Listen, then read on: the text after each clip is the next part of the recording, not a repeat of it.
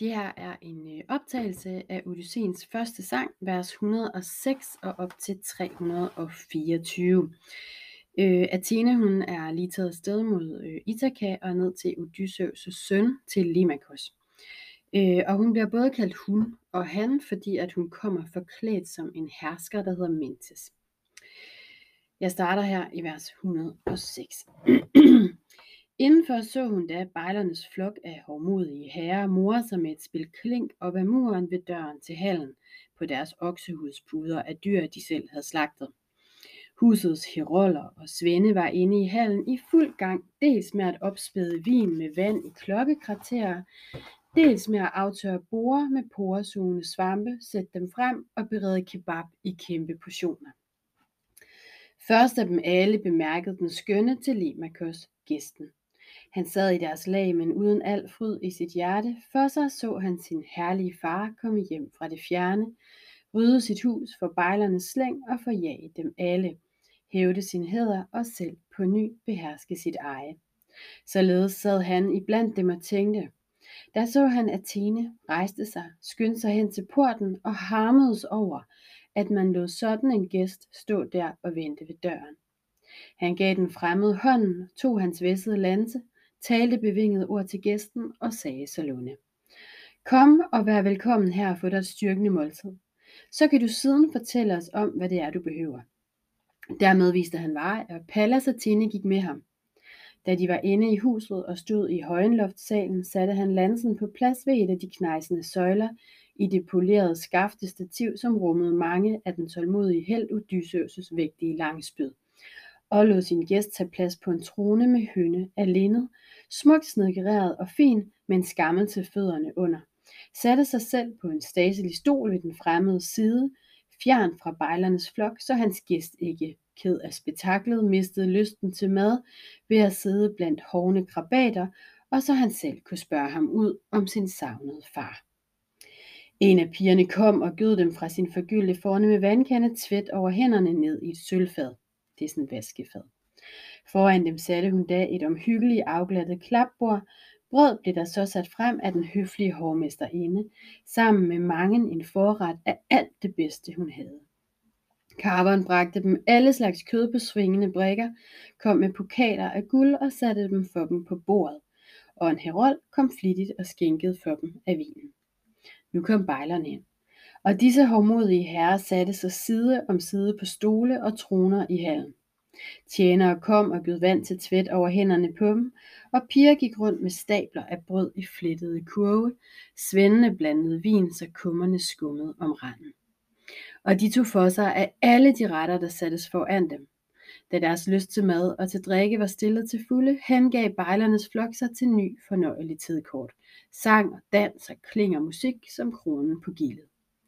Af en herold fik Femios rakt sin prægtige lyre. Femios, skjælden, de tvang til at synge ved deres kalasser. Han slutter strengene an og begyndte at synge så dejligt. Og til gudinden Athene bemærkede Telemachos dette, mens han bøjede sig frem, så de andre ingenting hørte. Fremmed. Tag mig nu ikke fortrydeligt op, hvad jeg siger. Disse folk tænker jo blot på sang og spil. De kan sagtens, siden de æder og drikker så godt på en andens bekostning. Nemlig den mand, hvis hvide skelet nok mørnes i regnskyld inde på land eller vasker i saltvand ude på havet. Så de nu ham komme hjem til Ithaka, så ville de alle hellere ønske at være til ben som den hurtigste løber, end at have klæder og guld som rige og fornem stormænd. Død og borte er han, og os kan ingen forhåbning længere varme, hvem end der er alle, der lever på jorden, hævdede han kommer jo nok. Det er sket med ham og hans hjemkomst. Se du mig nu blot dette og tal den reneste sandhed. Hvem er vel du, og af hvilken familie og by er du kommet? Hvad for et skib har ført dig hertil, og, hvad vil de, og hvem vil de søfolk hævde de er, og hvordan har de bragt dig til Itakas øland? At du er kommet til fods, kan jeg dog ikke tænke mig muligt. Sig mig desuden oprigtigt og sandt, så jeg ved det nøjagtigt. Er det dit første besøg, eller kom du som gæst hos min far før? I sin tid, da talrige mænd besøgte vor hjemgård. Han var en vennesæl vært og taktfuld over for alle. Og han, altså Telemachos, fik svar af Athene, gudinden med lynende øjne. Det skal jeg svare dig på og sige den reneste sandhed. Mentes, søn af den gæve Ankialos, kan jeg med stolthed kalde mig. Drot over søvandte folk på det skovrige Tafos. Nu er jeg ankommet her med skib og skibskammerater over det drueblå hav på en færd til fremmede lande. For at få malm fra Tamisa for stål i brunerede barer. Skibet har jeg sat op på stranden et stykke fra byen, inde i Rejtronbugten, i lyerne i Neirens skovbjerg. Vi er fra fordums tid hinandens fædrene venner. Prøv du blot at tage ud på landet og spørge Lærtes, det er Odysseus' far, Oldingehelten, man siger ikke viser sig mere i byen, holder sig ude på landet og slider og slæber alene, blot med et gammelt liv til at sørge for mad og for drikke, når han er mydig og træt i de ældede ben af et ase. Og for at dyrke sin vin på terrassen deroppe på bjerget. Ankommet er jeg just nu. Det forlod, at din far nu om sider var kommet hjem. Men der er jo så guder, der sænker hans rejse. Død er han ikke nu på vor jord, den lyse Odysseus, men holdes stadig tilbage et sted på de bølgende vider, fjern på en omskyllet ø af mænd, der vil ham det ilde, vilde, der holder ham fanget med vold på trods af hans vilje.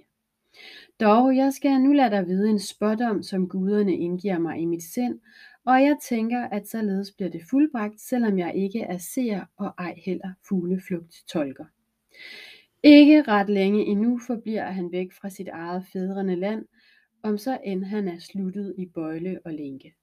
Udvej finder han nok, så rig som han er på idéer. Sig du mig nu blot dette og tal den reneste sandhed. Er du, så stor som du er, en søn af selve Odysseus? Slående ligner du både i lysende blik og i ansigt ham, for vi to, han og jeg, har set en del til hinanden. Før han tog bort på det togt til Troja, hvor alle de bedste mænd af Akaja drog hen på de højsøgående skibe, siden har jeg ikke set Odysseus, og han ikke Mentes. Da tog den kløgtige knøs til Limakos ordet og svarede. Det skal jeg svare dig på og sige den reneste sandhed. Mor har fortalt, at han er min far. Jeg kan ikke vide mere derom. Sin afling har ingen jo selv været med til. Blot jeg var søn af en lykkelig mand, der fik lov til at leve godt med sit gods i behold og dø bedaget af alle. Men nu er den, som man kalder min far, den mand, der af alle fik den usageligste skæbne i verden, siden du spørger. Og han fik svar af Athene, gudinden med lynende øjne. Guderne har ikke ønsket din slægt uden fremtid i hæder, når de lod sådan en søn blive født af Penelopeia. Sig du mig nu blot dette og tal den reneste sandhed. Hvad er det her for et kalas? Med de folk? Hvad er det, man fejrer? Er det et bryllup? En fest? Det er ikke sammenskudskilde. Det er som var det en flok af rå og brutale banditter, der holder fest i dit hus. Ved synet af hele det leben må jo hver ordentlig mand føle vemmelse i deres selskab. Der tog den kløgtige knøs til Limmakos ordet og svarede. Fremmed, Siden du spørger mig ud og fritter om dette, var dette hus nok blomsterne rigt og uden al lyde, al den tid, hvor manden du nævner, endnu var i landet. Men nu har guder, der ville os ondt, taget anden beslutning og ladet ham forsvinde som ingen blandt menneskevæsener. Sørge så bitterligt ville vi ikke ved nys eller ved nyhed om hans dødsfald, hvis han var faldet og død med sit folk på troernes slette eller iblandt sine egne vendt hjem fra krigens drabasser. Over ham havde akajernes folk da kastet en gravhøj, og for hans søn havde det været hæder i kommende tider. Men nu har harpyerne, altså hævngudinderne, revet ham bort uden tidner om ham, ukendt, savnet og væk, og til mig har han efterladt smerte, sorger og savn. Og ikke blot ham må jeg bittert begræde, eftersom guder har skaffet mig endnu flere under på halsen.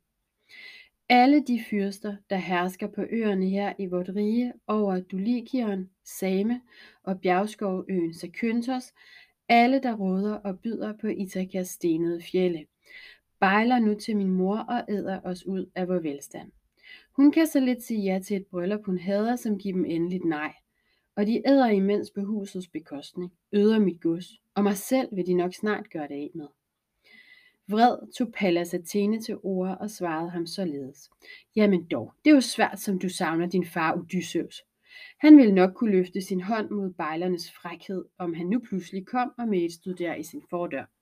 hjelmklædt, klar med sit skjold og med tvinde, to lanser i hånden, lige så herlig og gæv, som han var, da jeg første gang traf ham hjemme hos mig, hvor han fik en fornøjelig bære på rejsen hjem fra Efyre, den by, hvor han gæstede mere med Ilos. For også der tog han hen på sit højsegående langskib for at få skaffet sig manddræb og gift til at smøre på spidsen af sine pile af malm. Men giv ham den, det ville Ilos ikke, af frygt for at krænke de evigt levende guder. Mine far gav ham den så, for han var en ven af Odysseus. Gid blot Odysseus så gav som han er, gjorde bejlernes selskab, der blev dem et liv og bittert bryllup beskåret. Dog, det ligger vel endnu i gudernes skød til beslutning, om han engang vender hjem og tager sin hævn eller ikke her i sin fædrene hal. Men dig vil jeg byde at tænke på at få bejlernes flok jaget ud og fordrevet fra hallen. Lyt du nu godt og læg dig det ord, jeg skal sige på sinde. Kald du, når morgenen gryr, de stolte af kajer til tinge. Sig du dem alle et ord med guderne som dine vidner.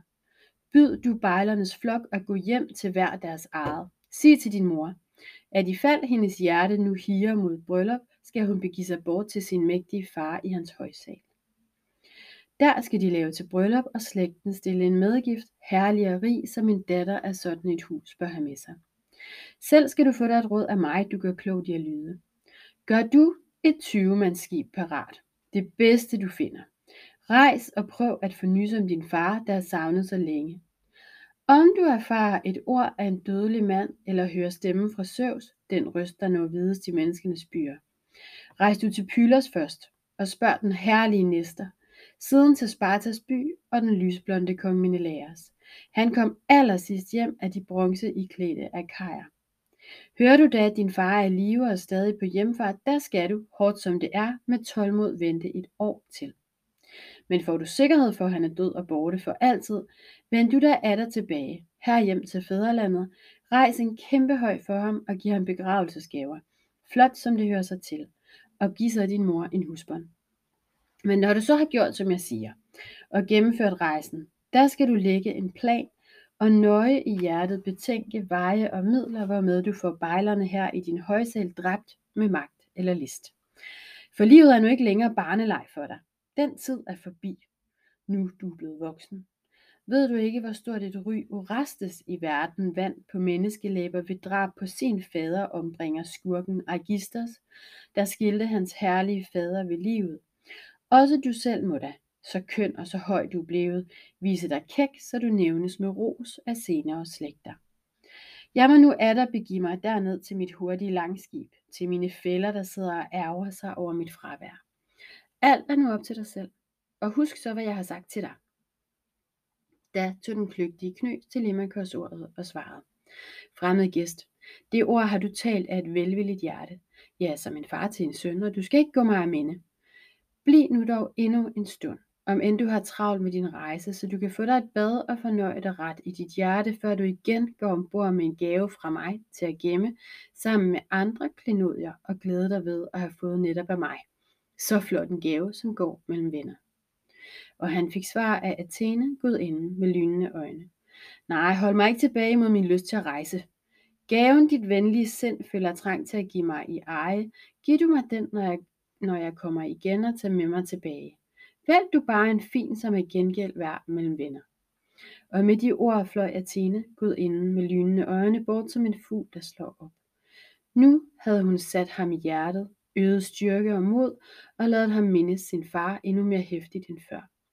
Og da han i hjertet forstod det, skjalp det i ham med skræk. Han fornam, at en Gud havde mødt ham, og straks gik den herlige knøs derind i bejlernes midte.